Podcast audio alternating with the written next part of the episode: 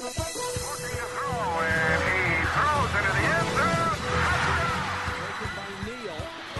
gives it to Wycheck. Wycheck, that looked like a forward pass. Madden is on the field. He wants to know if it's real. They said yes. Get your big butt out of here. Hello? You play to win the game. Hej hej och välkomna till ännu ett avsnitt av veckans NFL med Mattias Olsson och Lasse Thorman. Tjena Lasse! Hallå! Julavsnitt! Ja, jul. Bara 126 dagar kvar till eh, NFL-draften också. Eh, firar vi tycker jag. Bara 126 dagar Bara kvar. 126 dagar kvar att förbereda. Det känns i och för sig tryggt när jag ska börja kolla på massa spelare att det är så många dagar kvar måste jag säga. Jag är redan färdiglärd. Jag, kan- jag kan inte få in mig mer. Nej, då. Nej, men det är julavsnitt. Eh, hur ligger du till? Har du, har du köpt alla julklappar nu? Ja, nu Kan är vi- jag faktiskt, förra gången vi spelade in då hade jag ju inte köpt Nej. någon. Nu har jag faktiskt fixat alla. Har du slått in det? Jag har inte slått in någon än. De ligger i en hög så här under ett par gamla jeans och ingen ska hitta dem. Ja, det är lite så för mig också. Ja. Annars julstämningen god. Granen är klädd och, och baket är bakat, eller vad är det man gör? Nej, men jag ska inte fira hemma hos mig å andra sidan så det är ju, jag, jag åker till julstämningen istället så, så slipper jag lösa det själv. Ja, men det- man kan ju ha lite julstämning ändå. Ja, absolut, absolut. Jag dricker julöl till det här avsnittet till exempel. Det är ju julstämning om något. Det är, låter ju verkligen trevligt. Ja, det är jättetrevligt. Förutom lyssnarna då, jag sitter och sörplar här, men Ja. jag försöker göra det väldigt, väldigt smidigt. Det får de ta helt enkelt. Ja. Eh, vi ska köra en liten julspecialare idag i ett, ett eh, senare litet inslag. Men vi ska köra lite nyheter först. Sen ska vi kolla lite på eh, slutspelsracet eh, racet där. En liten kort uppdatering bara hur det går till där. Sen ska vi köra en liten Vem där-lek, lite frågesport helt enkelt. Eh, snacka lite matcher och, och så har vi fått in rätt mycket frågor också. Så det är en ganska tajt schema idag. Ja, men vi kan tämja lite på det då, va, när det ändå är julavsnitt. Ja, nu, nu har ju folk tid att sitta och lyssna. Mm, Så kan lägga vi- till några sådana här grafiska flingor när vi lägger upp den som eh, snöar ner och någon, någon tomteluva på sne så, så kommer man undan med bra mycket. Ja, så är det. Så det kanske blir en eh, 4-5 timmars avsnitt då den här veckan eller något sånt där. Mm. Mm, mm. Eh, vi kan väl börja med lite, den stora nyheten kanske är väl att eh, Gus Bradley, eh, tränaren i Jacksonville Jaguars, fick eh, sparken eh, ganska direkt efter eh, helgens match och eh, han har ju inte haft några vidare bra år i, i Jaguars eh, och knappt vunnit några matcher överhuvudtaget och det här skulle vara året då man liksom fick allt eh, att funka men det har ju inte gått den vägen direkt. Nej, man var nära sist att få något att funka, men Mm. Eh, nej, nej. Eh, nej, det var väl, eh, det var väl väldigt, eh, eh, inte alls oväntat ska jag säga att han fick, fick gå. Borde kanske gjort det lite tidigare. Det kan man tycka. Eh, är väl en sån här kille som eh, alla tyckte om väldigt mycket och det var många som ville att han skulle lyckas men till slut får man ju liksom ge upp på något sätt när det, när det inte blir någon tydlig förbättring. Mm. En annan grej som hände i förra veckans matcher var ju att Brock Osweiler i Texans eh, blev bänkad och Tom Savage kom in istället. Eh, som vi har sett eh, till och från lite tidigare eh, i NFL. Men eh, han har ju inte så mycket erfarenhet han heller. Men han kom in och vände matchen åt Texans och nu är det klart att han ska starta även den här helgen. Eh, så Brock Osweiler, 72 miljoner dollars quarterbacken, eh, alltså bänkad här i slutet på säsongen när det verkligen eh, hänger på en tråd här för dem. Mm, med all rätt. Jag tycker det det är självklart att eh, uh, Tom ska start, starta. Han gjorde ju eh, betydligt bättre än vad Brock Osweiler gjorde på bra länge sin, sitt inhopp. Så det är klart att han ska starta. Jag gillar Tom Eh, kanske inte så mycket från NFL eftersom han knappt har spelat något NFL. Men jag kommer ihåg när han var QB i Pittsburgh i college tyckte jag han var jättebra. Jag hade han högt upp på min draftboard. Så jag tror nog eh, helt ärligt att vi kommer se eh, Tom Savage. Det här är nästa starter för Houston Texans. Jag tror inte han kommer bli en elit-QB på något sätt. Men eh, spelar tillräckligt bra för att vara startman i Houston nästa år. Ja, jag tyckte redan han kom in där att det var tydligt eh, att han är en bättre quarterback än Brock Osweiler just nu i alla fall. Och sen är, är det väl inte säkert att han alltid kommer vara det. Men, eh, men jag tyckte det var ett tydligt lyft när han kom in och är helt rätt att de startar honom. Något annat hade skickats ganska konstiga signaler inne i det omklädningsrummet känns det som. Hur länge sedan var det när Houston var i slutspel? Var det på match tiden när först han gick sönder, sen gick backupen sönder och så var det någon sån här någon TYY någonting eller något konstigt namn. Tredje kuben som fick starta första playoff-matchen och det gick åt helsike. Men... Ja, TJ Yates där ja. Eh, ja det Just det! Ja. Nej, det stämmer. Jag hoppas inte det blir så i år att man bänkar Brook Osweiler som nu skadar sig, Tom Savage, Josa tar till slutspel och så plockar man in vem det nu är som är, är bakom de båda. Ja, då kan man ju sätta tillbaka Brook Osweiler. Ja, det kan man i och för sig göra. Om man... Skylla på min, mina två munnar julöl som jag har druckit här att... Uh... Brandon Weeden är ju där för fan. Det är, där har du en slutspelsvinnare. Ja, det är en riktig slutspelskube som man kan lita på. Mm. Jajamän. Så är det. Eh, den andra stora grejen som hände den här veckan, det hände ju faktiskt eh, idag va, tror jag. Eh, att Pro Bowl-röstningen avslutades. Och eh, det blev klart vilka spelare som fick den äran. Eh, kan ju diskutera hur mycket popularitetstävling det är, hur mycket det är, att man faktiskt har gjort en väldigt bra säsong. Det brukar vara någonstans mitt emellan. Men eh, spelarna, spelande ser bra ut på CVt för dem och det är viktigt i kontraktsförhandlingar och allt möjligt. Så eh, ändå en stor grej. Och Raiders blev de som fick flest spelare invalda, sju spelare. Eh, Falcons hade sex i NFC. Eh, men det var de två lagen som toppade där redan där så slutar jag ju ta, ta det där på allvar liksom. Sex Falcons-spelare, hallå. Sju Oakland Raiders. Han trendigt liksom att slänga in Reggie Nelson, sopig safety liksom. Nej, jag, jag tycker det var bedrövliga val. Rätt igenom. Nej, så, nej, så, så jäkla bitter Men, men eh, som vanligt eh, är det väldigt många konstiga namn som är med och, och eh, en del kon konstigt att inte vissa är med. Aaron Rodgers eh, med Drew Brees, Matthew Stafford inte med. Kan man diskutera. Damon Harrison som jag har tjatat om. Tackle liksom. Leo Williams en annan tackle. Sean Lee i Dallas. Vad är han? Vad är han? Nej, eh, frågan är hur mycket man ska rasa över en Pro Bowl-uttagning bara. Jag väljer väl att inte göra det så mycket.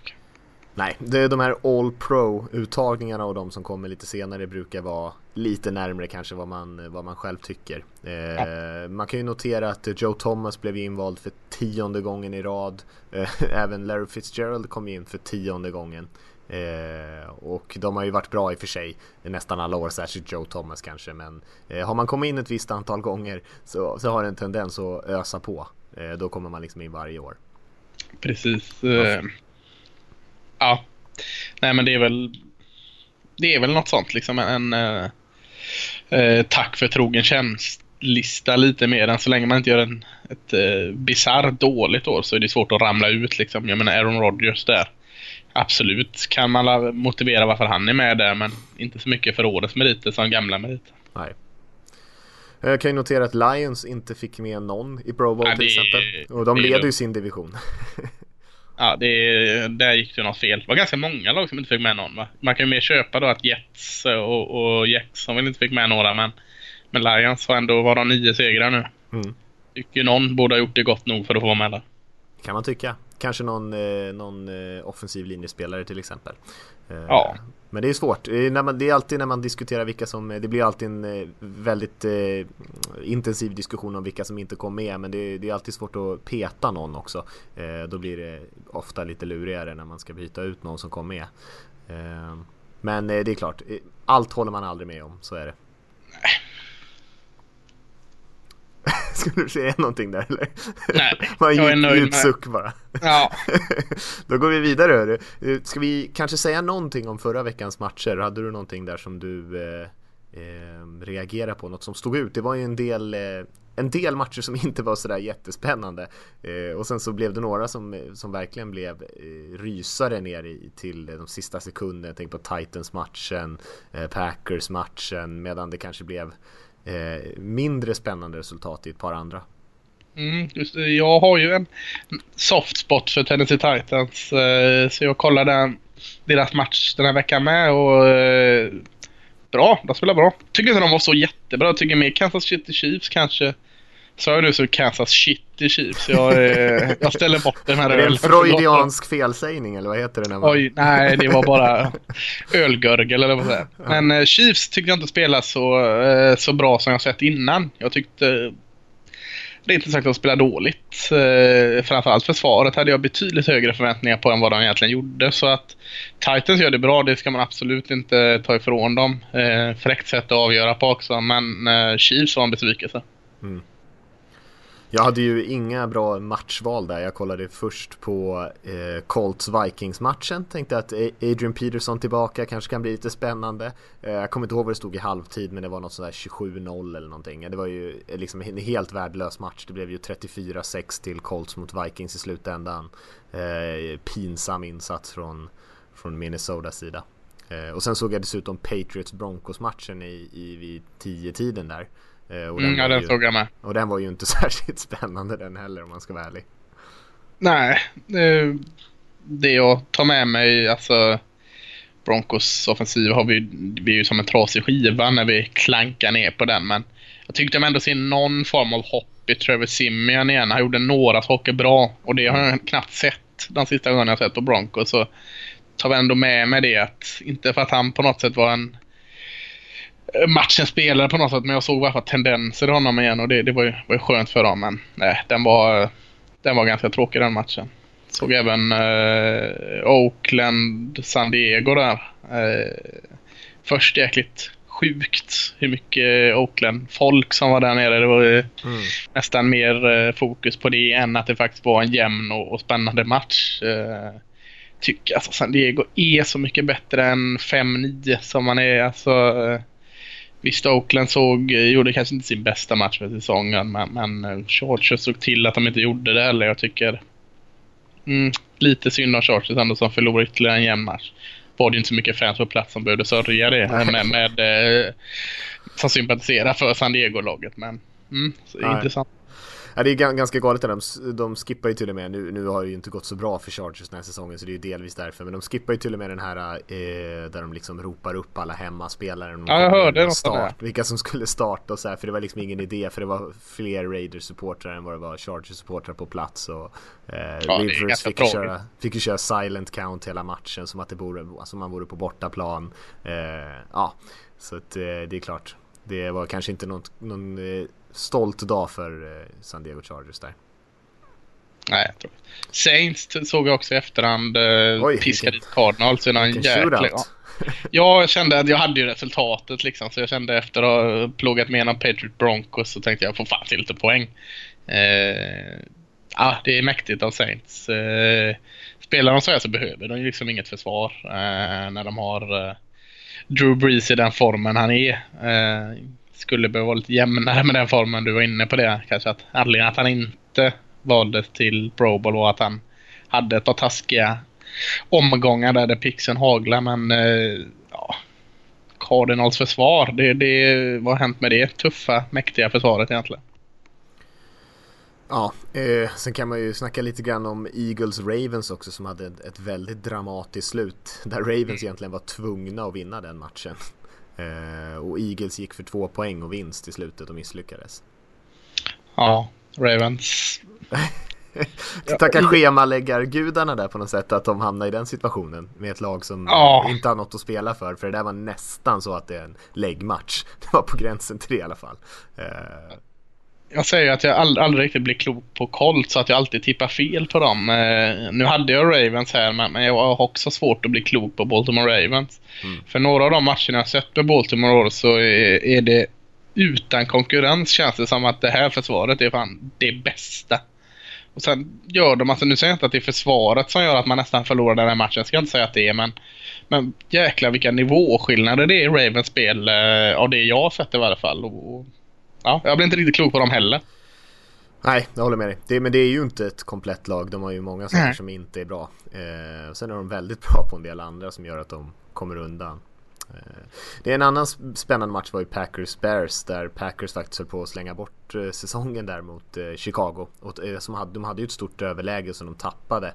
Men de lyckades med ännu ett sånt här mirakelspel i, i slutet på matchen. Jag har faktiskt lite, ett litet ljudklipp från den matchen som vi kan lyssna på just för att jag tycker att det Eh, jag såg presskonferensen med Aaron Rodgers och vi, vi, ser de här spelen från honom hela tiden att han gör de här långa Hail Mary-kasten i slutet på matchen och det är lätt att vifta bort det som tur många gånger. Eh, men det är ju ändå en hel del grejer som gör att de kan lyckas med den typen av spel. Tycker du att vi ska lyssna på det klippet Lasse? Jag kan ju inte säga nej, det är klart vi ska göra. ledande fråga, ledande ja. fråga. Ja, det kommer här i alla fall.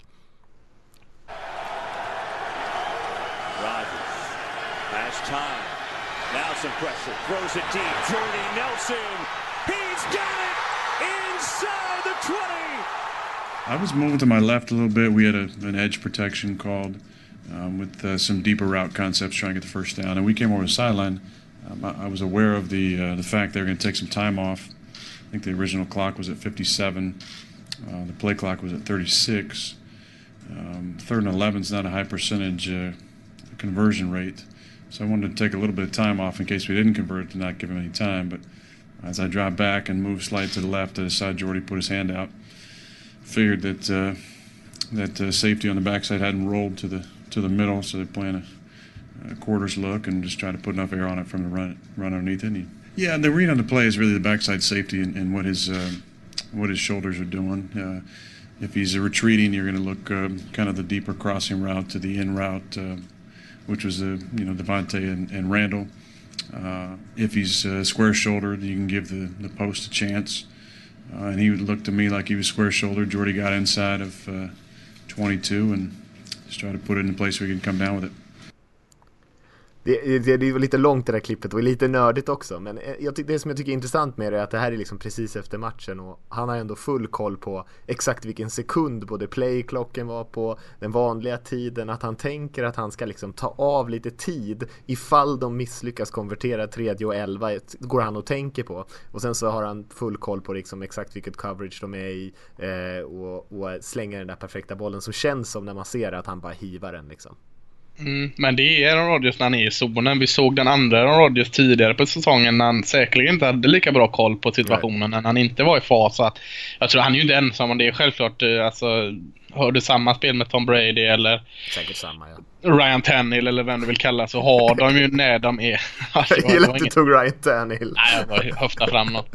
Eh, så har de ju säkerligen lika bra koll och lika bra känsla när de är i zonen. Men alla de här också när de börjar komma ur sin comfort zone och de känner att det där guldfiskminnet vi pratar om att man ska skaka av sig dåliga spel. Men likaså så påverkar det även i beslutsprocessen här och så blir det någon form av kvicksand där man bara sjunker djupare och djupare. Så att han och hela, hela Green Packers är ju i zonen nu. De har ju små marginalerna med sig. De, de vinner matcher. De spelar bra också så det är inte bara att de har tur. Eh, tycker dock försvaret tog ett, ett steg tillbaka den här matchen. Gjorde Matt Barkley att se ut bättre än vad han antagligen är. För jag tyckte när jag såg matchen, jag såg den bara som kondens. Så jag eh, kan inte helt uttala mig men jag tyckte han såg betydligt bättre ut än vad han kanske egentligen var. Eh, det blev lite lätt för honom där. Mm. Eh, men, men, just nu är Green Bay ett lag som jag tar de sig till slutspel så är det ett sånt där lag som jag skulle vara livrädd att möta i slutspelet när man har den här flyten man har och man spelar bra och allting går med sig. En lugn och fin Aaron Rodgers. Ja, de är läskiga just nu. Det är de.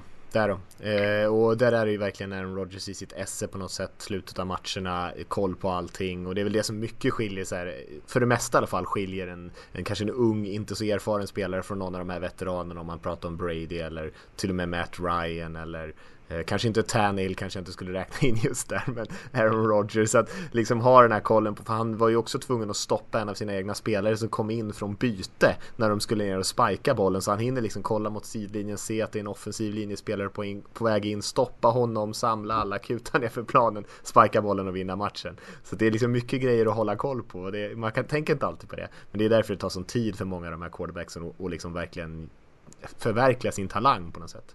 Mm, det är, alltså, många blir väldigt trötta på att ständigt den här credden till quarterback så ytterligare en QB som blir MVP men fan vad de ändå lägger ner vad de har mycket på sin tallrik. Alltså. ja, det, det kan man lugnt säga. Även om man verkligen sitter och tänker på hur mycket de har så kan du nog gångra det x antal gånger med vad de egentligen har. Det är enormt mycket. Mm, jag håller med dig. Ska vi lämna vecka 15 bakom oss Lasse och leka lite jullekar? Det tycker jag absolut. Jag tänkte att eh, jag ska ställa dig eh, mot väggen här och så bara slänga ut lite grejer. Så får du placera dem på snäll och stygg-listan, eller vad säger man på svenska? Naughty or nice. Eh, helt enkelt. Så får du, det, är bara, det kan vara vad som helst. Eh, till exempel min första här, Bill Belichicks mode. Ska det vara, på vilken lista ska det vara tycker du? Uh, ja, jag sätter nog på en naughty-listen då. Det, det, vissa grejer han hittar på är lite för crazy för mig. Men uh, han är ju en pionjär ändå. Ja, härligt. Mm. Zeke Elliots hopp i grytan är ju lite, istället för dopp i grytan så är vi hopp i grytan här. Mm. Snäll eller stygg? Jag säger snäll på den. Jag tycker ändå, jag ju, tycker ju att man ska ha fler målgester och roliga mm. grejer och nu var det ju till och med för en god sak här så att det, det tycker jag, det, det stöttar jag fullt. Mm. Ska du få en liten tänkare här då, men nya coacherna var det McAdoo, Peterson, coach Jerry, Kelly, Merkley, alla de som är, alla, alla nya coacher. Du får, du får placera dem i en hög och sätta dem på en sida av listan. Jag sätter dem väldigt, väldigt gärna på The Naughty List allihopa. Jag tycker att det har varit en stor besvikelse alla de här eh, rookie-coacherna. Eh, kanske för, med undantag av Gaze kanske, men, men resten har ju verkligen inte skött sig. Sett ganska virriga ut. Mm. Las Vegas Raiders. Naughty list säger jag. Det är ändå bäst, känns bäst i Oakland, även fast jag tycker att de skulle passa rätt hyfsat där också. Ja. Uh, Burficts uh, något sena ursäkt. Var ska vi lägga den? Ja, men jag tycker ändå det är snäll-listan. Det är, jag tycker ändå stort för honom att ens be om ursäkt. Jag har inte så höga förväntningar på honom. Så att det är ett steg i rätt riktning och nästa år tror jag att han kanske han, han gör en helomvändning och blir liksom den största helylle-killen i hela ligan. Ja, men härligt. Eh, du får två till här. Eh, den första är då, eftersom du är Seahawks, Sherman, Richard Sherman på sociala mm. medier. uh, ja, lite naughty list får jag nog ändå ge honom trots att jag, jag försöker stötta honom. Det är, det är mycket göra något dumt och sen liksom delita tweeten sådär. Det, det har han kört mycket på under 2016 och det är kanske inte så snyggt. Nej. Sist då, en, en sån vattendelare, eller det är det inte, men den måste man ha med på den här listan. Roger Goodell. Ja, snäll-listan ändå. Jag stöttar Godell. Team Godell är jag. Ja, men det var härligt. Då vet vi vad vi har där. ja, men det är bra. Jag, jag, jag har en fax här som jag håller på att starta upp. Så jag faxar upp den till Nordpolen eller vart nu tomten bor. Så ser han till att lösa detta. vad tror du Roger Godell vill ha i julklapp? Uh, ja, vad vill han ha i julklapp? Uh, säkerligen uh, att Bill Belichick får strömavbrott en längre tid så han inte han kan komma med sina utrop och, och klagande. det är möjligt. möjligt. Belichick är ju alltid väldigt bra på att lämna in när de har sådana här ligamöten. Alltid väldigt bra på att lämna in motioner och sånt där. Han har mm. ofta mycket regelförslag och sånt där som han vill, vill ändra på. Så han är nog inte så lätt att ha att göra med alltid gamle Bill. Och kanske att draften nästa år eh, sköts inför tomma rum. Så han slipper det buandet mm. varje gång han går upp. Det hade ja. han nog blivit Man ser att han blir lite ledsen varje gång faktiskt. Ja. Försöker hantera det på ett coolt sätt. Var det någon av mina du inte höll med om alls eller? Uh, nej, jag gillar, jag gillar uh, din väg du gick där faktiskt. Mm. Uh, jag, jag börjar mer och mer gilla tanken av Las Vegas Raiders. Mm. Eh, det kan, kan bara gå fel så, och, det, och det är spännande. Vi behöver mer sådana här grejer i NFL. Tokiga saker. Och det, det, det skulle bli tokigt på så många sätt. Så den vill jag nog sätta på snälllistan. Lite, lite mer dramatik sådär bara. Ja. Så kan äntligen, så kan 49ers få vara bäst i stan igen också. Ja men det är väl kul för dem. Ja. Mm. Eh, ska vi ta och titta lite grann på slutspelet som vi sa Lasse? Ja, det tycker jag. Hur det står till där. Och jag kan ju börja med att chocka dig med att det är fortfarande 22 lag som har möjlighet att gå till slutspel. Ja, det, Fråga det är det ju inte, men, men, men, det är det. Ja. ja. Eh, och sen så har vi fyra lag som redan har säkrat en plats och det är ju Patriots, Raiders, Cowboys, Seahawks som har gjort det. Och eh, de spelar ju såklart om eh, olika placeringar i sidningen. Att man kan få en eh, vilovecka innan första slutspelsmatchen eller hemmaplansfördel och sånt där. Som är i och för sig väldigt viktigt. Eh, men de är i alla fall klara för slutspelet. Eh, och andra lag som kan säkra en slutspel den här eh, slutspelsplats den här veckan bara genom att vinna sin match är Giants, Chiefs och Steelers. Eh, kan liksom säkra sin plats. De andra lagen, det finns fler lag som kan säkra den här veckan men då måste det hända massor av saker att man måste vinna och två andra lag måste förlora eller något sånt där. Eh, så så står det till just nu och av de som du och jag tippade där så är det väl kanske Redskins som har eh, gjort oss lite besvikna. Eh, tappade ju mm. Jordan Reed där eh, och eh, det har ju verkligen märkts i anfallet. Ja, han delade ut en snyting. Mm. En riktigt, han ställde sig i en sån här boxarposition där. Och, verkligen. Ja, Street Fighter. Nej, de, de har tappat eh, Denver Broncos. Ska väl också säga att de har eh, hakat av. Jag trodde väl att de skulle halka med in. Det är ju inte kört än, men men eh, man är ändå 8-6. Men vinna resten, det har de inte behövt på ett tag. Nej, det kan bli lite tufft ja. Kan bli lite Nej, men vad har vi? Om vi säger AFC då, då har vi Dolphins i 9-5. De har ju det i egna händer kan vi säga i alla fall. Ja, absolut. Eh, Steelers och Baltimore gör ju upp om vad vi nog får tro att det blir en, ett lag från AFC North. Mm. Efter de möts nu till helgen också. Eh, Samma sak egentligen med Titans och Texans vecka 17. Det är ju en bit fram men... Ja, eh, rent krasst kan väl fortfarande eh, Colts ja. vinna den. Eh, inte helt jäkla omöjligt. Jag vet inte hur det ska gå till riktigt för då måste ju båda torska nu och sen... Ja men Titans ligger såhär noll, alltså fruktansvärt dåligt i, i divisionen. Så att om, om Titans skulle piska Houston och förloras nu den här veckan. Mm. Ja, alltså nej, om, om, om uh, Titans bara slår Houston, vinner den, förlorar den. Och så, ja, som du sa, och så Colts vinner resten så va. Det går då i alla fall. De är inte helt körda än. Ja, det är inte helt omöjligt. Nej, det är faktiskt inte uh, Chiefs känns väl klara va, men, men uh, ja, skulle nog behöva en vinst till fall för att sig helt trygga. Men 10-6 kan man gå som sämst. Det känns som man är klara med det i EFC. Ja, jag tror att de, jag tror att de är klara med en vinst. Mm, ja, jag, tror, jag tror faktiskt att de är klara med två förluster också om jag ska vara mm, Möjligt. Eh, Broncos eh, vinner allt och hoppas på andra. Känns just nu inte som ett slutbeslag alls. Vad har vi i NFC då? Då har vi Giants, eh, tror jag också är klara. Eh, även om de förlorar båda, men någon av dem ska alla säkert vinna. NFC North är ju spännande med Green Bay som kommer eh, tuffande där eh, eftersom Lions förlorar sist så är det bara en match som skiljer dem. Måste vinna kan båda bli så att det, Ja, kan ju bli så att det är två lag från uh, NFC North som, som uh, går vidare. Trodde man inte innan. Både Lions och Packers, tror jag. Kan gå så ja. ja. Mm. Och så har du ju Falcons och, och Buccaneers. Skiljer en match mellan de två i NFC South där som, eh, som är spännande också. Mm. Eh, NFC West är ju död sedan länge. Det är den. Det är den. Eh, ja, men vi kanske inte ska gå in så mycket mer i nörda ner oss på det där. För vi kommer ju till matcherna sen och då kommer vi ju eh, prata om de här lagen ändå. Mm. Eh, så vi kanske ska gå vidare till vår andra lek för dagen, alltså. Fasen vad kul, vad roligt med lekar.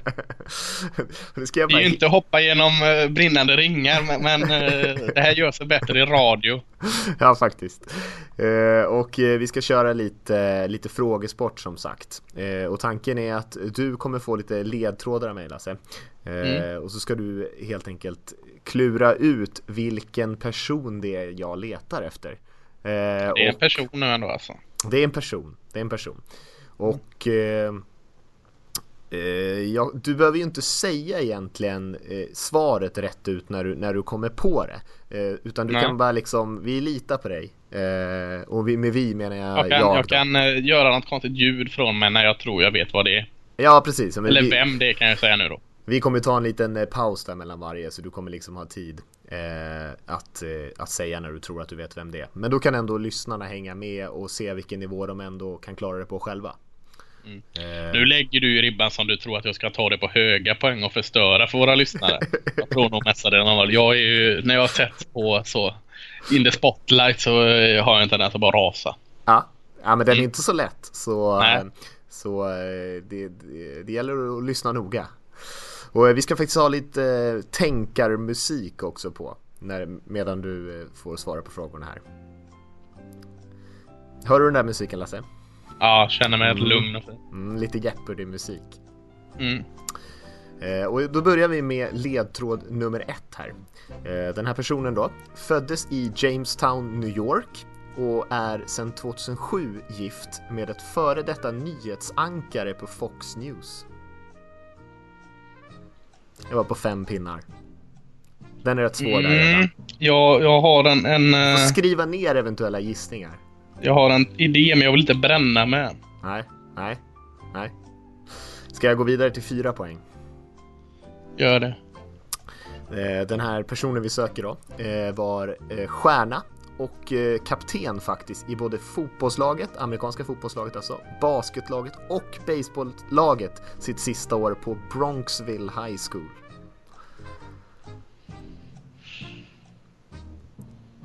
Nej, den, den var ju svårare.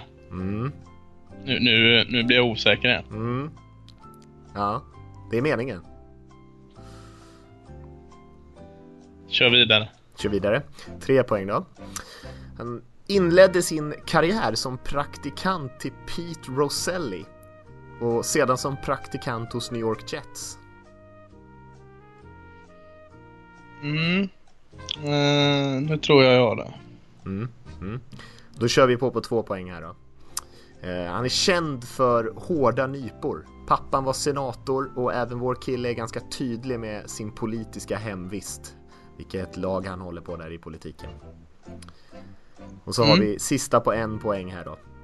Han är den högsta beslutande chefen för NFL, ligans VD skulle man kunna säga. Mm. Mm.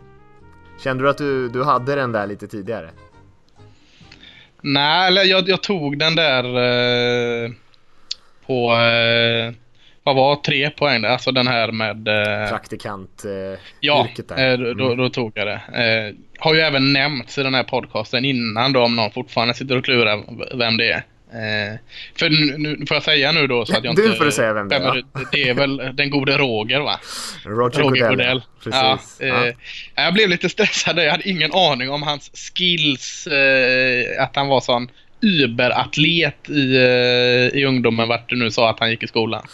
Bronxville High School där. Nej, det är sant. Det var, det var ju ganska medvetet av mig ändå att försöka lura dig lite grann där. För att eh, det var ju så... var ju, ja, jag var lite inne på det där när du sa att han var med nyhetsdonnan där. Mm. Då kände jag, jag vet ju att han har någon sån, eh, men jag vet inte riktigt vilken roll det är. Så då, då, då, då kom man upp i, i min, min tanke. James han sa ju ingenting. Det vad är det? Det är en liten småhåla antar jag. Ja. Och eh, den var ju svår såklart. Men 2007 kunde ha varit en liten ledtråd. För om han gifte sig 2007 så är han ju troligtvis lite grann uppe i åldern. Ål- Men det kunde ju ha varit en gammal spelare eller någonting. Det vet man ju aldrig. Ja, 2007, vad är det? Vad, vad är han? 60? 55-60 någonstans? Ja, han gifte sig Eh, sent. Sent. Så att... Eh, Men inte mindre troligt då att det skulle vara en aktiv spelare kanske. Eller ja, kunde man gift sig när man var 20. Men med ett före detta nyhetsankare. Det skulle varit en, någon eh, tjej som har gjort en snabb karriär där i så fall. Ja, det är sant. Kan ju ha eh, klättrat i karriären. Mm. Ja, nu sagt. Ja, vad tyckte du om Ja, nivån? den, den var, den var den- bra. Eh, ja, det var bra nivå. Eh, Framförallt för att jag hade ett hum om det på femman och så blev helt stressad på nästa nivå. Den jag inte... Då tänkte jag, fan är det en aktiv spelare här nu igen? För det var jag eh, ganska säker på att det inte var i början ja. Eh, eh, Nej, den var... Det var bra. Kul. Vad tog jag den på? Tre poäng då? ja. Det var nog ganska många som slog mig där, men tre poäng får vi komma ihåg då att jag tog den på. Så när jag grillar dig nästa gång så får du fan ha bättre än tre poäng tycker jag. Om vi ska förklara några av dem. Pete Roselli kanske några känner igen om man har koll på NFL-historien. Det är ju en före detta commissioner i, i Mm. NFL. Så det var ju lite ledtråd. Eh, då kände jag mig ganska trygg. Ja, och sen hårda nyper där så har han ju varit ganska tuff med och, och eh, framförallt det här med eh, disciplinen på om man har betett sig illa i olika eh, sammanhang så har han bestraffat det hårdare än vad man har gjort tidigare. Eh, och han är ju väldigt tydlig republikan, Roger Goodell där också. Mm. Men vi lämnar den där Lasse, så får vi se om du kan, du kan hitta på en klurig till mig till, till nästa vecka. Och till våra lyssnare. Och till våra lyssnare. Ja. Ehm, och vi ska väl egentligen gå vidare nu och dyka in lite grann i matcherna. Det är ju väldigt speciellt den här veckan. Det är ju eh, matcher, det är en match redan på torsdag. Nu spelar vi in här på onsdagskvällen. Eh, och så är det ju faktiskt matcher på lördagen de flesta. Eh, men också matcher på söndag. Men det är matcher på lördag som alltså är julafton. Och sen så är det matcher på juldagen också. Men de flesta matcherna spelas på julafton. Ja, jag, fan. Jag hade en sån bra chans att verkligen sitta på julafton och se de här. Mm. Det var någon sån här, nu åker man ut till eh, släkt ute i obygden där de knappt får in radio, höll jag på att säga. Så att, klart man kan ta med sig en padda, men det, man hade en sån där att jag, ja, vi åker hem eh, julaftonskvällen var ett alternativ som jag ganska sent avstyrde. Och då hade jag ju kunnat åkt hem och kolla NFL, så nu, eh, ja det här blir tufft. Det gör blir, du själv? tufft med, det blir tufft med 19 matchen tror jag att komma undan. Eh, Ja, det är ju Karl-Bertil Jonssons jul 19, den får man fan inte missa. Nej precis och eh, även så hade man väl blivit halvt mördad av eh, familjen där. Men sen ska jag ju ut och åka tåg på juldagen. Eh, när ska jag åka till svärföräldrarna så då kan jag eh, sitta och titta på repriserna åtminstone. Eh, men kanske live blir svårt förrän vid halv elva matchen kanske. Mm, ja, det är lite tufft, men ja, vad fan. Det är ju bara jul en gång om året som man säger. Ja precis, precis.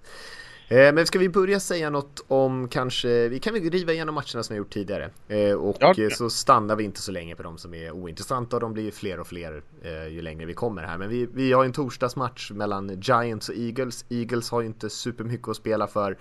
Giants däremot har ju en god chans att få en väldigt bra, bra medvind in i, i slutspelet här och säkra både Eh, de kan ju inte vinna divisionen i och för sig, eller kan de det? Komma ifatt Jo, det kan han. De Ja, har det slått, eh, det är det enda de har slått Dallas, så de är två segrar ifrån. Så. Två förluster av Dallas, två vinster av New York, så är Giants vinnare av divisionen. Ja, Giants 10-4 steketta, vunnit 8 av sina 9 sista, se, senaste matcher. Försvaret har ju verkligen börjat spela bättre. Janoris Jenkins, Janoris Jenkins corner där spelade, skadades ju förra veckan men det verkar inte ha varit något jätteallvarligt i alla fall. Nej, får bli lite bättre i offensiven. Eh, jag tror eh, de fixar det här. Jag säger inte enkelt, men jag tror de fixar det. Det tror jag också. Eh, särskilt nu när försvaret har börjat spela så bra och Eagles anfall är ingenting som direkt skrämmer någon. Så är det. Om vi ska gå vidare till en kanske liknande match. Dolphin, Dolphins hos Bills spelas klockan 19 där på eh, julafton. Och Dolphins, även de ligger ju faktiskt eh, riktigt vass till än så länge. De är 9-5, Bills är 7-7. Båda har faktiskt chansen på slutspel, till och med Bills. Eh, Dolphins har ju verkligen kontroll över sitt eget öde. Eh, men de kommer ju sakna Tannehill här. Eh, och Bills är ju rätt tuffa på hemmaplan ändå. Mm, men Moore såg ju bra ut när han, när han eh, fick chansen senast. De är bra Miami just nu, så jag tycker fortfarande de får lite för lite kärlek eh, från alla håll, inte bara från vårt håll. Förutom den här förlusten mot Baltimore har de egentligen vunnit allt sedan vecka 5. så det, är- det är stort. Jag tycker offensiven funkar bra, försvaret funkar bra och eh, Nej, eh, det är att ett segt jäkla Buffalo eh, vågar ju aldrig riktigt med säkerhet tippa emot dem. Särskilt inte hemma i, i Buffalo där det är skitväder och allt sånt. Så att jag är lite, lite 50-50 ändå men chansen är ändå goda för Miami. Ja, ja de, de, de har verkligen eh, satt sig i en bra situation här. Men jag tror faktiskt att de torskar här mot Bills. Jag tror att Bills springspel eh, kommer kunna dominera den här matchen och tror inte att Dolphins anfall kan göra så mycket med Matt Moore. Jag tror inte det kommer se lika bra ut som det har gjort tidigare. Och jag tycker faktiskt att Bills är lite underskattat. Det kom rykten här i veckan kan vi också nämna om att, eh, eller i helgen, att eh, Rex Ryan är så gott som sparkad. Och vi får väl se vad som händer där. Han själv ville ju inte kommentera det direkt. Nej, men jag tror att LeSean McCoy och springspelet kan vinna den här åt Bills på hemmaplan. Och eh, stöka till det lite för Dolphins. Mm. Eh, om vi hoppar vidare till nästa match så har vi Jets hos Patriots. Inte så superintressant. Jets har ju verkligen gett upp här på slutet och Patriots ångar ju på. Ja, behöver vi inte prata om den här matchen. Nej. Titans hos Jaguars. Jaguars eh, som sagt med en eh, sparkad tränare och Doug Marone som har tagit över gamla Bills-coachen. Och Titans som har spelat väldigt bra och bör väl vinna den här matchen Lasse. Det bör de göra. Eh, lite så rädd att eh, Jaguars, det, det är lite sådär orosmomentet när en tränare är kickad. Eh, att spelarna vill visa någonting. Titans borta. Ja, ja, jag, jag, jag tror Titans vinner men, men eh, skulle inte bli över eh, alltså, eh, så mycket förvånad om de ändå förlorar den men jag håller dem som favorit trots allt. Och det riktiga avgörandet kommer ju för Titans vecka 17 troligtvis mot Texans. Eh, alltså vinner de inte den här matchen så eh, då får de nog skylla sig själva om de missar slutspelet. Titans stora problem är ju bak i plan och där känns det inte som Jaguars är ett hot. Nej. Eh, med den linjen och eh, Bortles. Vikings hos Packers eh, har vi i nästa matchen här. Vikings som som sagt gjorde en katastrofal insats förra veckan och Packers som eh, börjat bli allt hetare. Ja, fyra raka nu va? För mm. Packers. Eh, och till och med ett effektivt springspel sist eh, med eh, Verkligen. receiven vill jag kalla honom fortfarande, Montgomery där. Men, men eh, och offensiva linjen gör det jättebra. Så, för, så offensiven med Aaron Rodgers i god form ser eh, riktigt jäkla bra ut. Försvaret som jag tycker ändå har lyft sig lite, tyckte jag tog ett steg tillbaka sist. Eh, så, så de får nog steppa upp lite här mot, mot Vikings. Inte för att Vikings har ett eh, überhett offensiv, men, men eh, Adrian Peterson vill säkert försöka in det sista nu efter att ha suttit vid sidan så länge. Eh, men med, med vad, vad Vikings gjorde senast mot Colts så, så har jag svårt att tro på Minnesota. Särskilt eftersom matchen spelas på Lambo i, i Green Bay. Så, så har jag väldigt svårt att se att Green Bay inte tar sin femte raka. Jag håller med dig. Det ska vara ganska humana temperaturer i alla fall strax under nollan där. Men lite snö väntas det komma i alla fall. Eh, och det kanske skulle kunna tala för Vikings att de kan grisa till matchen. Men Aaron Rodgers är ju brukar spela väldigt bra även fast det är snö och väder.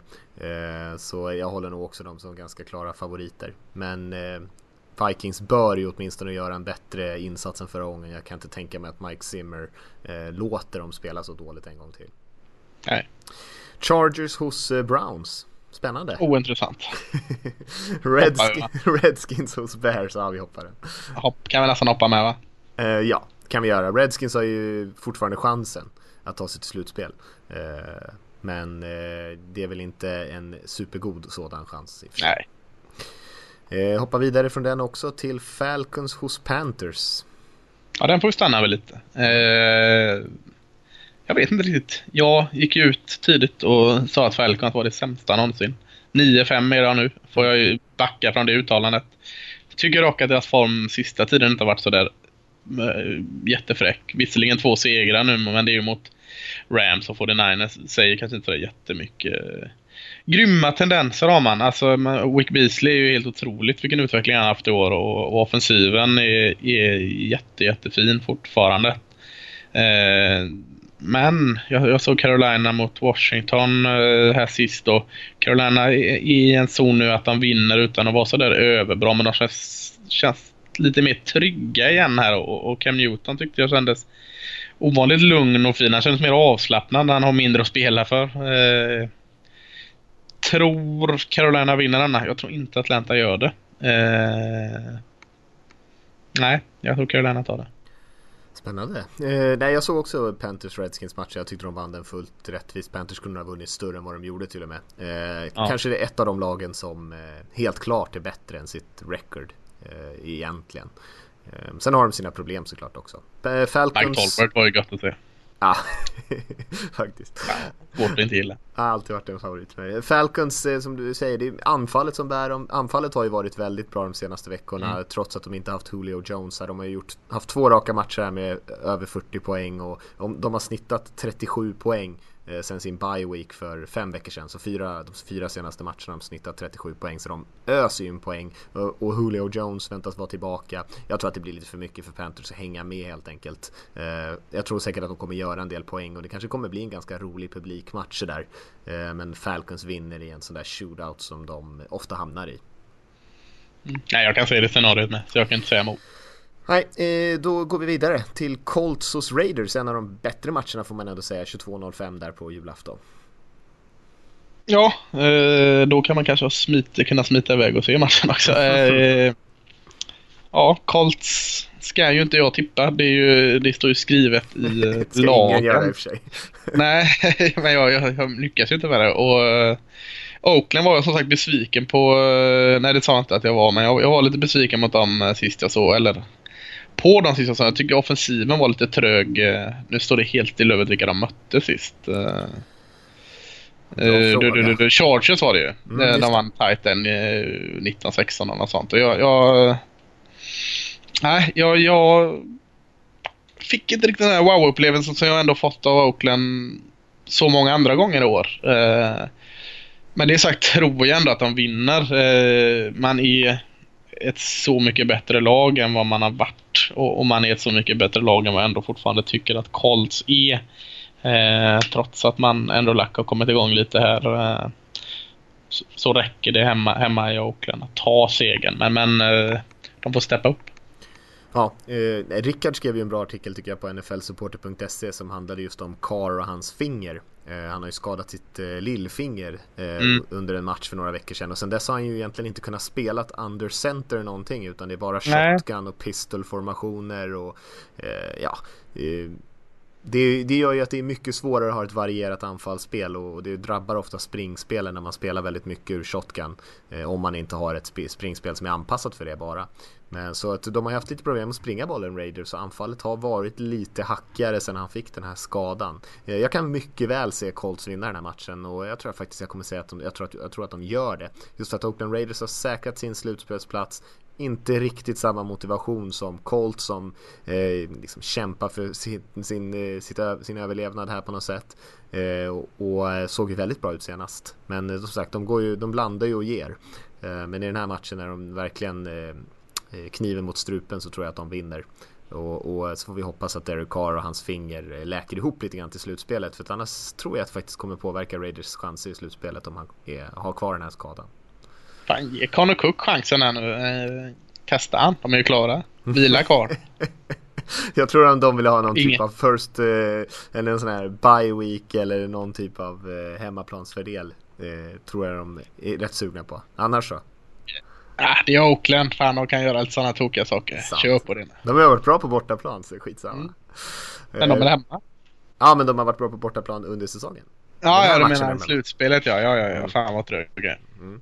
Den här matchen är de hemma. Mm. Hoppa vidare till eh, Tampa Bay mot Saints. Eh, en viktig match för Tampa Bay. Ja, eh, Saints eh, hemma. Eh, nu ser vi det är hemma. De har mm. losing record hemma i år så vi kanske ska sluta dra den gamla Nej. klyschan. Men, men eh, borta sist mot Arizona så var ju offensiven grym att se. när Drew Brees har de dagarna så är det ju, spelar det ju ingen roll att försvaret i New Orleans Saints inte funkar för att funkar offensiven så bra så kan man bevisligen släppa 40 poäng och vinna matchen ändå.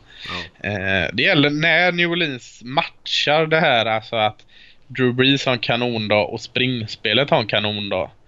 Eh, då, kan, då kan han vinna mot alla New Orleans Saints. Eh, och, och, även Tampa Bay backar ner. Jag tycker, visst, de förlorade sist här, eh, Tampa mot, mot Dallas. Jag tyckte de gjorde en bra match trots allt. Eh, så jag tycker fortfarande formen är god, både offensivt och defensivt. Eh, kanske måste slipa lite mer på, eh, på springspelet. Dog Doug Martin syns att han har varit borta ett tag ändå, men jag tror New Orleans Saints vinner. Jag,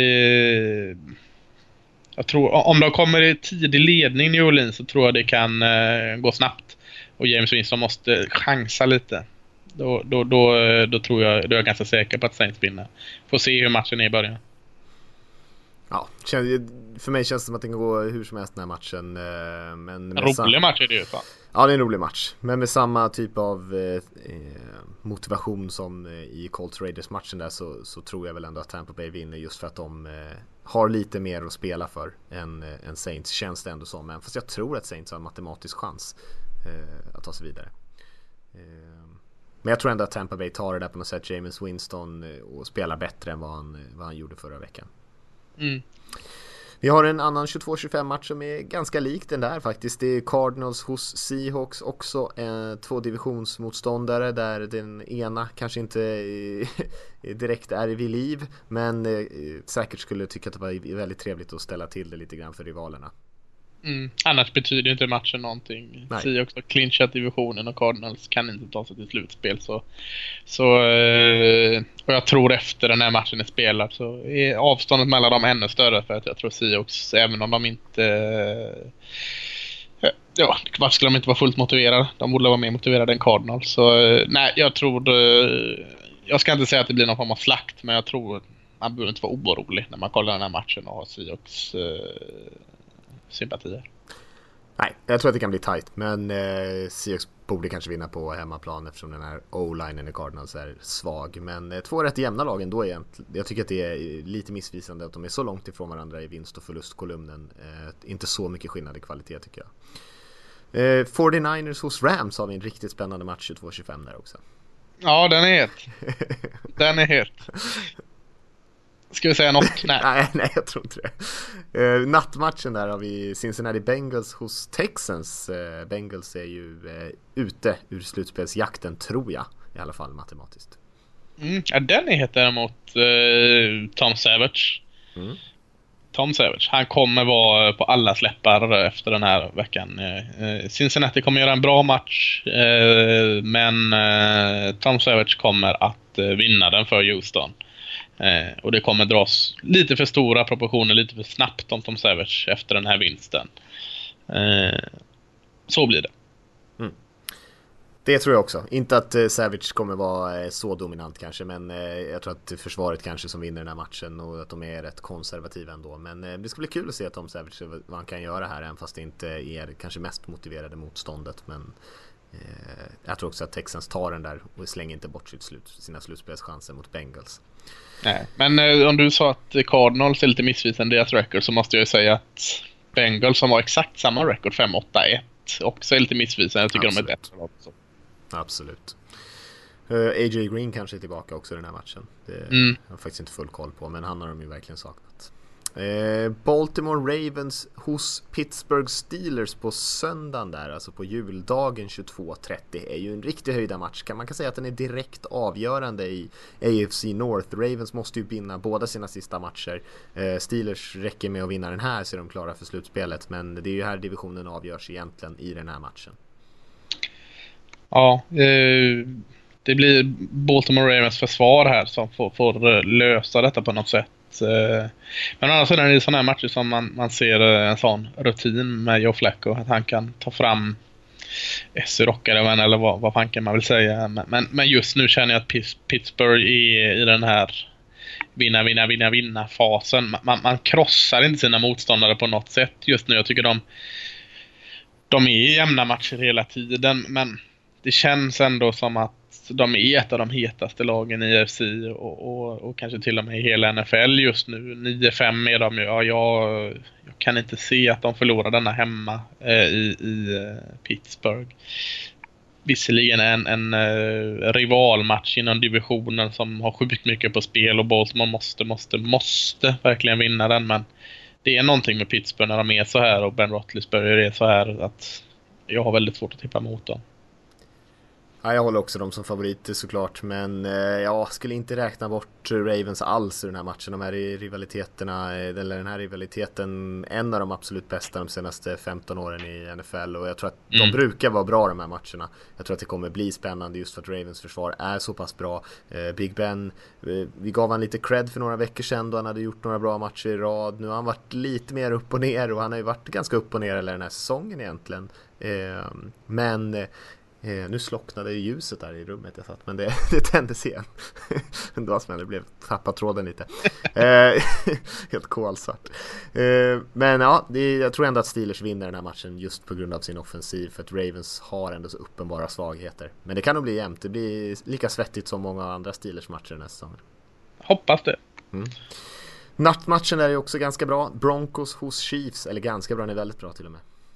Mm, Eh, jag är inte riktigt såld på något av lagen just nu. Särskilt inte efter vad jag såg av Chiefs mot Titans senast. Då tar inte från Titans någonting. Jag gillar ju att lyfta fram Titans. Men, men eh, det är klart att det är en väldigt negativ trend i Denver just nu. Bråk mellan offensiven och defensiven i omklädningsrummet senast. Eh, eller vilka var det? Man har till och med glömt det nu. Det var den gamla Seahawks-spelaren. Russell och Kung och Kun och, och någon Harris säkert hur som helst, det är lite, lite turbulent i Denver som är vana att vinna. Mm. och det gör de ju inte just nu. Eh, och det är på grund av offensiven, så är det ju. Eh, Chiefs är ju favorit hemma. Jag, jag håller dem som favorit. Men, men jag tycker, alltså jag såg så många saker. Alltså secondary tyckte jag såg riktigt blekt ut mot Tennessee senast. Och, och även lineback, linebacken när de, när de skulle falla bak i pass så tyckte jag inte heller de gjorde ett bra jobb. Så, så och de har, jag, jag, kan inte säga, jag kan inte säga att de har ett imponerande offensiv Kansas City Chiefs. Visst, de, de kan kontrollera matcher och Andy Reid sköter det bra med, men jag, jag tror Denver vinner denna. Det jag kan fullt förstå att du inte tror det, men, men jag tror på något sätt att Denver Broncos vinner den här matchen mot Chiefs. Trots att det är i Kansas City. Ja, vad roligt att vi tippar lite olika den här veckan. Ganska många matcher ja. faktiskt. Ja, men jag tror att Chiefs vinner. Eh, just för att de är, som du säger, allt som du säger egentligen. Mycket, eh, kanske mer välbalanserat, stabilt lag än vad Denver är. Eh, men jag skulle inte bli som, som, jag skulle inte bli förvånad om det du säger inträffar och Broncos lyckas ta den här. Problemet är väl att man inte riktigt får igång springspelet där i Denver. Så det hamnar så mycket på Simeons axlar. Och det här om Marcus Peters kanske kommer in och tar bort någon av de lite bättre receivers. Troligtvis sätter man väl honom på Sanders här. Och eh, då blir det lite hackigt eh, om de inte har den där flytta kedje-receivern och man inte har ett stabilt springspel och hamnar i långa tredje down situationer så kommer Chiefs pass rush och så. Ja, så blir det lite turnovers och grejer. Um, så att jag tror att de ändå vinner den här Chiefs men det, det, det kan säkert bli ganska grisig match och det blir nog inte en överlägsen vinst men eh, runt sådär 20-13 eller någonting. Mm, ja men det köper jag. Vi har en match på måndag också såklart, Monday Night Football eh, och det är Detroit Lions som hälsar på hos Dallas Cowboys. Eh, två av topplagen i år. Kanske viktigare för Lions än för Cowboys den här som, är, som ändå är klara. Eh, men Cowboys spelar ju för att få en bye week som sagt och hemmaplansfördel eh, och Lions spelar för att hålla kvar ledningen i NFC North. Mm, ja, det är en jätteviktig match, en bra match också. Eh, ja, det kanske är för att jag kommer ihåg den här fake-sparken eh, som eh, Stafford gjorde mot just Dallas. Ja, det var snyggt. Så snyggt alltså.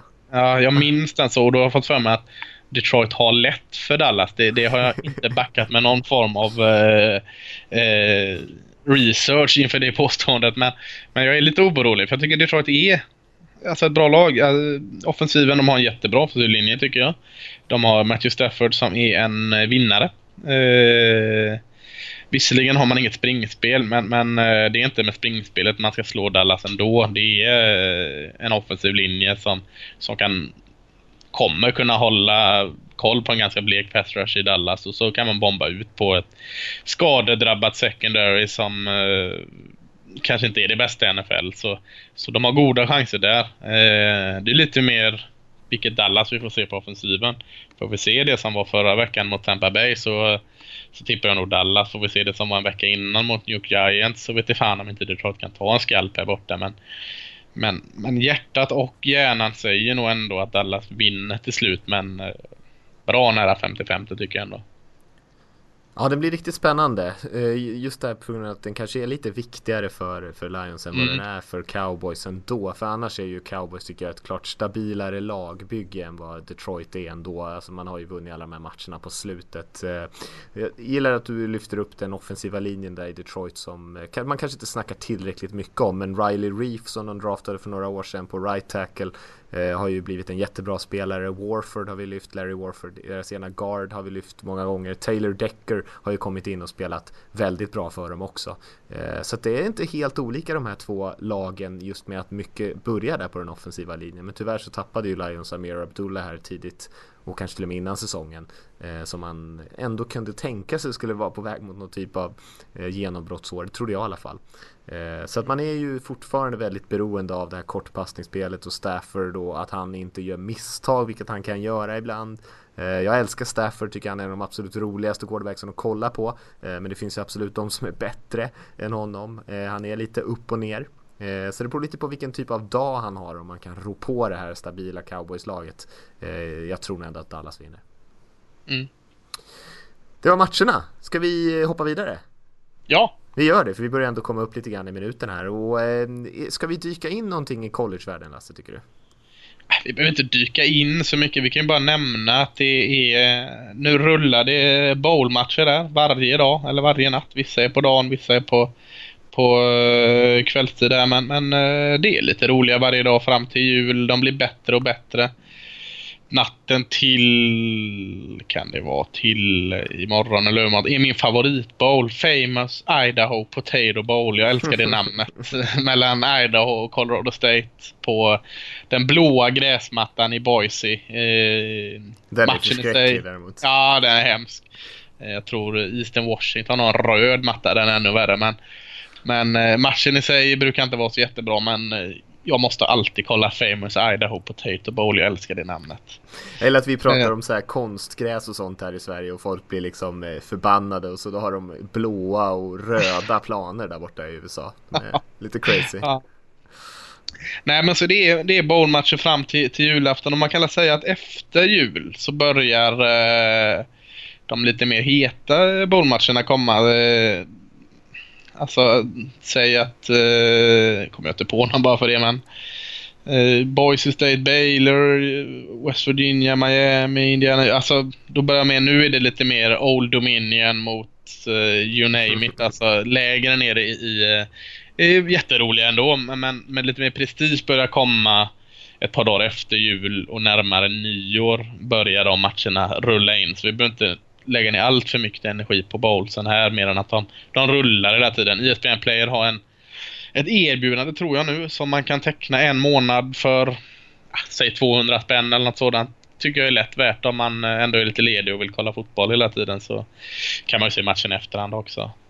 Eh, annars det som är hetast nu i college är ju spelare som väljer att avstå och spela sina sista match. De tänker ju kanske lite om man tänker på det som hände Jalen Smith, den mycket duktiga linebacken i Notre Dame förra året som gick och sabbade benet totalt i sin sista bollmatch här. Så, så vill de inte riskera något inför sin eh, inför draften här att skada sig i sista matchen. Och det har ju väckt ganska heta. Leonard Fournette, eh, running backen i LSU en. Christian McCaffrey, running back i Stanford Det är en annan som har gått ut och sagt att de, de säger tack men nej tack. Vi, vi satsar på NFL nu. Och då blir ju diskussionerna heta i USA. Eh, vad är det för lagspelare? Och tänker du på dina lagkamrater? Och å ena sidan säger det är klart de satsar på det. De måste ju tänka på sin framtid, på sin inkomst och säkra upp här liksom. Så att det, det är stora diskussioner kring, kring eh, rätt eller fel kring detta.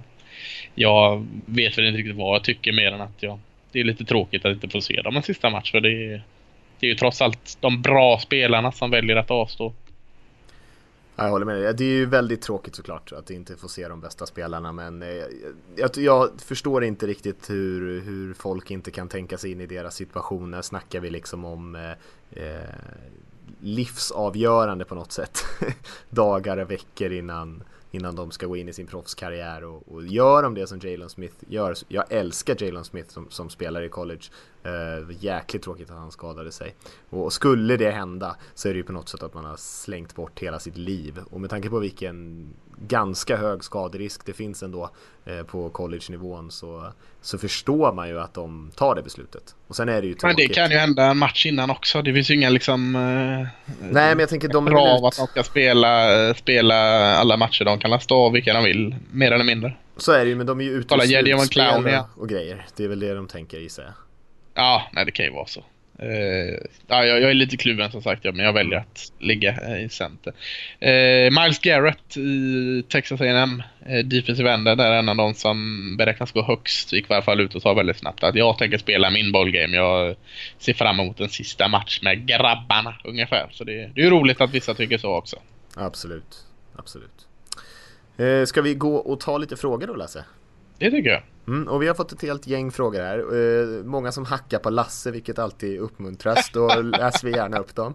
Ja, Eh, podcast at nflsupporter.se kan man mejla in sina frågor om man vill få med dem i programmet. Och eh, vi kan väl börja med en fråga från Jakob här som skriver Tjena gubbar, tack för en mycket bra podd. Jag är intresserad av att höra en djupare analys av Houston Texans. Jag fastnar för lagets sista året och Matt Schaub var en godtycklig quarterback. Från då till nu har jag haft svårt att placera vad laget egentligen ska tillhöra. Framförallt när de flesta, exempelvis Lasse, hela tiden pratar illa om laget trots vissa framgångar. Så vad krävs för att de ska gå långt? Sparka O'Brien, vaska 72 miljoner dollar, byta ut Rick Smith, general managern alltså, eller ta tillbaka Gary Kubiak. Återigen tack, skriver Jakob. Det är väl inte bara att ta tillbaka Gary Kubiak heller. Eh, pratar jag så illa om dem? Eh, kanske jag gör. Eh, be om ursäkt, jag, jag har inga, inget personligt agg på något sätt mot Houston Texans.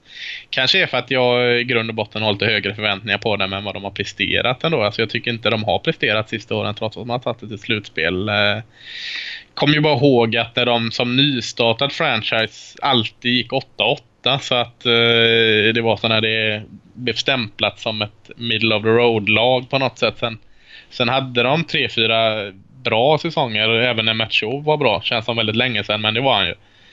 Eh, och så fick man in J.A. Watt och det bör, nu ska försvaret komma. Det var då man hade Andrew Johnson och Arian Foster liksom i, i sitt esse. Det var när offensiven bar Houston. Sen byggde man upp defensiven och då kom helt plötsligt eh, jäklar det här laget ser riktigt bra ut på pappret. Det, det, det är en utmanare vi pratar om här nu. Och det, det är väl så sätt jag liksom har, tycker att de inte har presterat. De har aldrig varit en utmanare. Jag har aldrig sett dem som en utmanare. Eh, nu kanske de inte har det starka offensivet längre, eller det har de bevisligen inte. Så, att, så det kanske är på det sättet det, det låter att jag är besviken på dem. Eh, jag vet inte vad man ska ha för förväntningar. jag tycker man ska se dem som ett slutspelslag varje år, alltså en utmanande slutspel. Sätter han som någon form av contender, det, det, det sätter de inte så nu men... Ja, vad ska de göra? Jag, jag vet inte, jag tycker jag gillar O'Brien mindre och mindre för varje vecka. Jag tycker dock att man inte ska kicka riktigt än. Det är lätt att man kickar folk lite för ofta. Eh, häng kvar vid en lite till. Eh, man är ändå ett par grejer ifrån. Skulle det nu vara så som jag tror att Tom Savage kommer in och ändå tar den här rollen som QB så är man en god bit på vägen tror jag i varje fall. Så att nej, det, det är små saker alltså. Eller små saker, QB är ingen liten sak. Men ja, jag tycker man på något sätt ska gå skilda världar från Brock Osweiler. Jag tror inte det är nyckeln till framgång i varje fall. Så kan jag säga så. Nej, det tror inte jag heller. Och, eh, han är ju inne på en del grejer här. Jag, jag är inget stort fan av O'Brien. Eh, tycker han eh, ger inget bra intryck. Eh, och har haft väldiga problem med det här med quarterback. Eh, Eh, och få, få sina quarterbacks att spela bra kanske också utvärdera vilka man ska ha i truppen. Och det är ju han och Rick Smith där, general managern som är ansvariga på det, för det på något sätt. Och eh, sen har man haft lite otur, JJ Watt skadad, Osweiler blev ju inte det man hade hoppats på. Det är väl inte för sent men men jag kan inte se hur han någonsin ska kunna bli en riktigt bra quarterback. Eh, tycker han saknar så väldigt mycket saker. Ehm, så att man kommer ju ligga ute med de där pengarna och Gary Cuba kommer ju inte komma tillbaka till den här klubben såklart när han sitter i ett betydligt eh, göttigare situation i, Denver. Ehm, så nej, men man får väl utvärdera sin ledning där, se om man tycker att de har gjort ett bra jobb. Man får nästan sätta sig in i det lite mer där för att kolla vad man tycker om Rick Smith och hur han skött jobbet. Och Brian är som sagt lite skeptisk eller jag skulle inte, kanske inte ha något emot om man började kika efter någon annan tränare. Men det är inte så lätt att hitta en jättebra tränare heller. Eh, blir man inte av med Brock Osweiler så kan man uh, tycka man kan sätta honom som tight end. Han är ju stor och gänglig. Vet du. De, de, saknar, de har ju bara en Sia Fedorowicz där. Man saknar en, tight end till och så kan Tom Savage passa till en så blir alla glada. Lite skinny legs på, eh, på Osweiler för tight end positionen kanske. Något. Jag har en fråga från Wilmer här. Tjena Lasse och Matte. Jag har en fråga angående PF... Matte, ja. PFF, Pro Football Focus alltså. Hur högt håller ni deras analyser och hur räknar de ut sina spelarbetyg? Till exempel så får Aaron Donald efter första halvleken mot Seahawks 77,3. Alltså du menar att de har gett det betyget mitt i matchen alltså. Eh, hur har de gått tillväga för att räkna ut det betyget? Tack för en grym podd, skriver Wilmer. Ja, du kan svara på det. Jag gillar inte eh, PFF alls. Jag, eh, jag ogillar det till och med kan jag säga. Jag tycker eh, det är ganska mycket missvisande och, och statistik. Alltså jag, och frågan sätter inte statistiken i sak, men jag tycker man kan inte mäta spelare på så hårt som de gör på det sättet. Man kan säkert gå in och få lite hintar och tendenser genom det, men eh, ibland låser... Kanske inte att jag ogillar Pro Football Focus så mycket men ibland låser vissa folk upp sig alldeles för mycket i Pro Football Focus. Att, jo men här, så här står det på den sidan. Ja fast det är ju inte hela bilden. Eh, och sen så tycker jag aldrig mina draftanalyser stämmer överens med Pro Football Focus och jag, jag väljer att tro mer på mig själv än dem. Ja, eh, nej men jag håller nog med dig. Man ska inte ta deras liksom eh betyg som någon form av profetia eller som någon absolut sanning. Och eh, jag tyckte om deras tjänst när de tidigare hade så man kunde komma in bakom och se lite mer eh, statistik. För de gör ju en ganska häftig grej med det här med att de kollar alla spel med alla spelare och så sätter de lite betyg. Men det betyder också att de samlar på sig massa data om hur många snaps vissa spelare spelar, hur ofta de spelar i den formationen och Eh, hur många tacklingar de springer igenom och sådana här grejer som är väldigt intressant. Men det kan man ju inte se längre utan nu är det ju bara de här topplistorna med betyg. Och då vet man inte ens vad som är bakom betyget. Och då blir det ju ännu svårare kanske att ta det på allvar. Och jag vet faktiskt inte hur de gör det här med Aaron Donald att de delar ut betyg mitt i matcherna. Eh, vilket jag tycker är eh, lite av en miss från dem. För då får man, det tar man ju på betydligt mindre allvar när de är så eh, lattjo med betygen. Eh, för det är ju meningen att de ska gå in och kolla liksom spelar matchfilmerna och verkligen analysera spelen. Det hinner de ju såklart inte göra på TV tv-sändningen. Ehm, så det är ju lite suspekt tycker jag. Men jag tycker det finns ett värde men eh, ingen har alla svar och de kan ju vara lite kaxiga ibland om att de, att de har alla svar och det tror jag inte någon har. Nej. Eh, gå vidare, eh, tar en fråga från Peter. Hallå, har två frågor, en lång, en kort. Vilken del i spelet eller spelarposition tycker ni är mest underutvecklad? Och så har han gett ett litet exempel här där han tycker det finns utvecklingspotential. Quarterbacks, majoriteten av dem bara står i fickan och passar. Om de verkligen lär sig springa kan de vara ett mycket större hot. Och så tycker han också two point conversions. Om lagen lyckas i över hälften av gångerna så tjänar de ju på det. Jag tycker att punters och kickers kan utvecklas mest där de generellt både sparkar bollen för kort och träffar för dåligt. Att som kicker bara vara säker innanför 40 yard känns som ett skämt. Om det, om det blir mycket bättre kommer spelet att förändra sig, skriver han. Ska vi ta en fråga i taget? För den var rätt lång. Den ja, det kan vi göra. Eh, kaxigt kaxigt Peter. Vi får nästan skicka ut. Jag, jag eh, har stor respekt både för Panthers och Kickers. Eh, tycker de gör ett för jäkla bra jobb. Eh, har du en amerikansk fotboll hemma, testa med någon polare att gå ut och kicka den där jäkeln. Och träna i tio år. Alltså de, de är... Det finns ju bättre och sämre Panthers och Kickers såklart men eh, eh, den biten har jag inga invändningar i. Däremot så eh, håller jag med i utvecklingspotentialen med quarterback och, och, det är ju den vägen vi har gått de senaste åren. Kollar du bara tio år tillbaka så hade du knappt någon eh, springande QB i ligan. Nu har vi ju en del Russell Wilson och, och eh, RG3 och allt vad det är, Cam Newton. Alltså att det är ju den vägen det går mer och mer att eh, du får någon form av hybrid QB, dual threat eller vad fasen man vill kalla det. Eh, som även lär sig att, att springa med bollen och i bästa fall kan hantera både situationen med pass och spring. Att han läser av passalternativen och sen är så pass eh, med i matchen att han vet att han kan ta väg och springa med bollen om så skulle krävas. Eh, så det håller jag med om. Där, där kommer vi nog få se ännu mer utveckling och vi har sett väldigt mycket bara på par korta år. Det var helt otänkbart för inte så länge sedan att en kubit skulle ta iväg och springa med bollen. Nej, eh, det är ju skaderisken som är liksom den stora den, grejen där. Precis, Quarterbacksen absolut. är ju så viktiga så att de eh, liksom, blir de tacklade och det kan ju räcka med en tackling så kan hela säsongen vara över för, för laget och det är ju helt enkelt inte värt det. Men däremot har man ju i många lag satsat på det här att man kanske Eh, har sin quarterback springa på några enstaka spel per match så att liksom försvaret måste tänka på dem som ett hot hela tiden. Eh, och det är kanske en smartare väg tror jag. Att, att ha dem liksom som någon form av halv running backs. Det tror jag aldrig kommer löna sig för då kommer de inte vara tillräckligt bra passare eller så kommer de skada sig i, i slutändan. Eh, men det är lite, lite, intressant att alla på något sätt kommer in och, och, och, fastnar i någon typ av proffsmall. Att man inte har liksom flera spelare och kör lite mer wildcat-aktigt och sånt där. Two point conversions, det är ju flera lag som faktiskt har börjat med med det i år. Men man har ju också sett att det är när det går åt helvete och flera lag har ju faktiskt förlorat matcher just på grund av two point conversions i år. Så det lär ju kanske gå tillbaka till det konservativa om jag känner coacherna rätt i NFL. Ja, man hamnar i en liten ond spiral också. Om man börjar med two point conversion så måste man hela tiden jogga ikapp det där förlorade poänget. Så att, eh, jag tror Pittsburgh har kört en hel del och eh, utan att veta det så tror jag väl att man är på the losing end av det. Liksom, att man inte har lyckats med tillräckligt många för att klara hälften. Mm. Eh, en annan utveckling som jag har tänkt på, det är om vi har några som vi ska ta upp själva, är ju fjärde, fjärde och kort.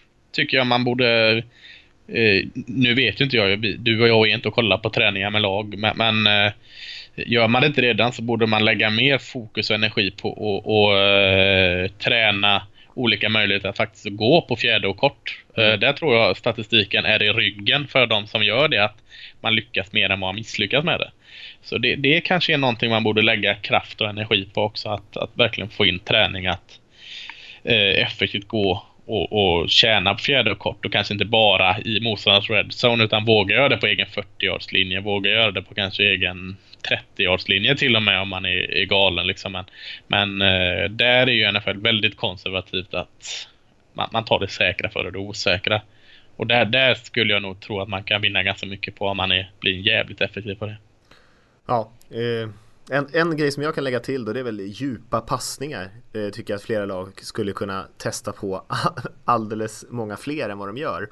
Eh, just med på grund av alla tuffa regler med pass interference och sånt där. Att det finns så många eh, chanser att det kan hända någonting väldigt positivt. Men trots det så finns det väldigt många lag som är väldigt konservativa med att eh, liksom verkligen hiva iväg den djupt.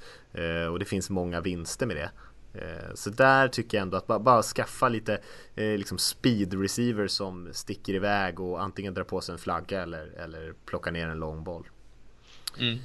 Eh, du, du, du, Han har en fortsättningsfråga här. Hur tränar punters och kickers? När blir man punter och kicker? Eh, och lär ju inte vara så många tioåringar som drömmer om det, skriver han, utan snarare att man blir det för att ingen annan vill. Tack för en bra podd. Målvakt i bandy. jag har faktiskt stått i mål i bandy. Så har du det? Nej, inte, ja. inte som, jag var aldrig målvakt, men jag stod några matcher. Ja. Eh, de har egen skola i Australien numera, har de en kickingskola i alla fall. Men, men Nej, men det är ju så att när du börjar i peewee och, och, små åldrar så får du ju ta någon som, det kan vara en D-tackle som, som eh, sparkar eller kickar för att han är bäst på det.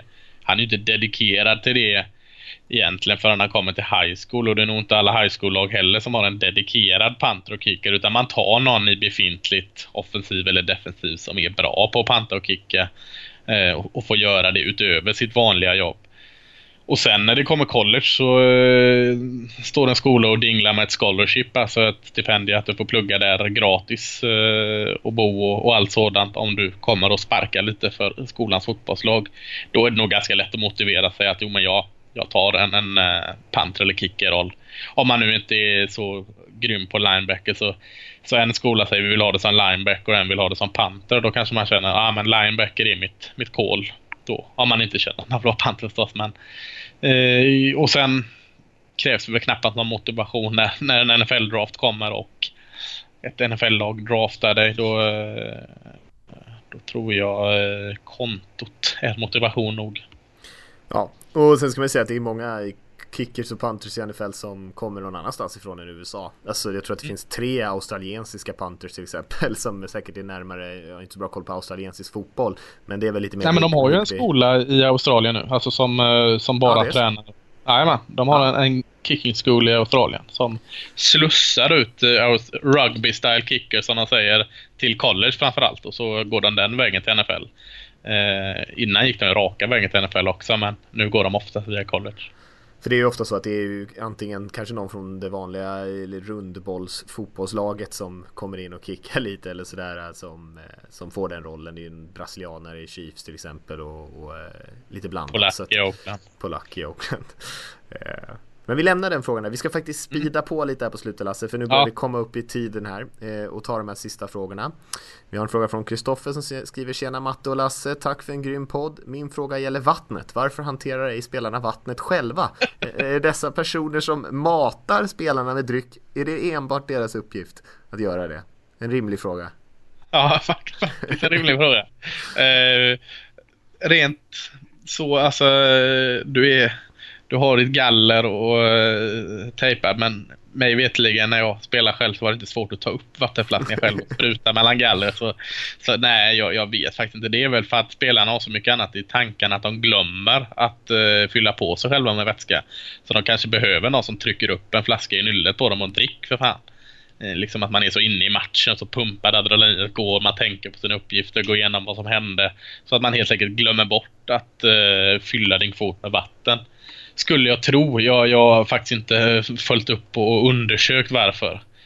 Men, men det skulle vara en vettig förklaring till varför att spelarna inte kan ta upp och, och dricka vatten själv. Det gör ju vissa också. Eh, det är ju inte så att de inte får om inte någon kommer och trycker upp i nyllet på en. Men, men, men om, om de här eh, killarna och tjejerna har någon annan roll än det, det, det vet jag faktiskt inte.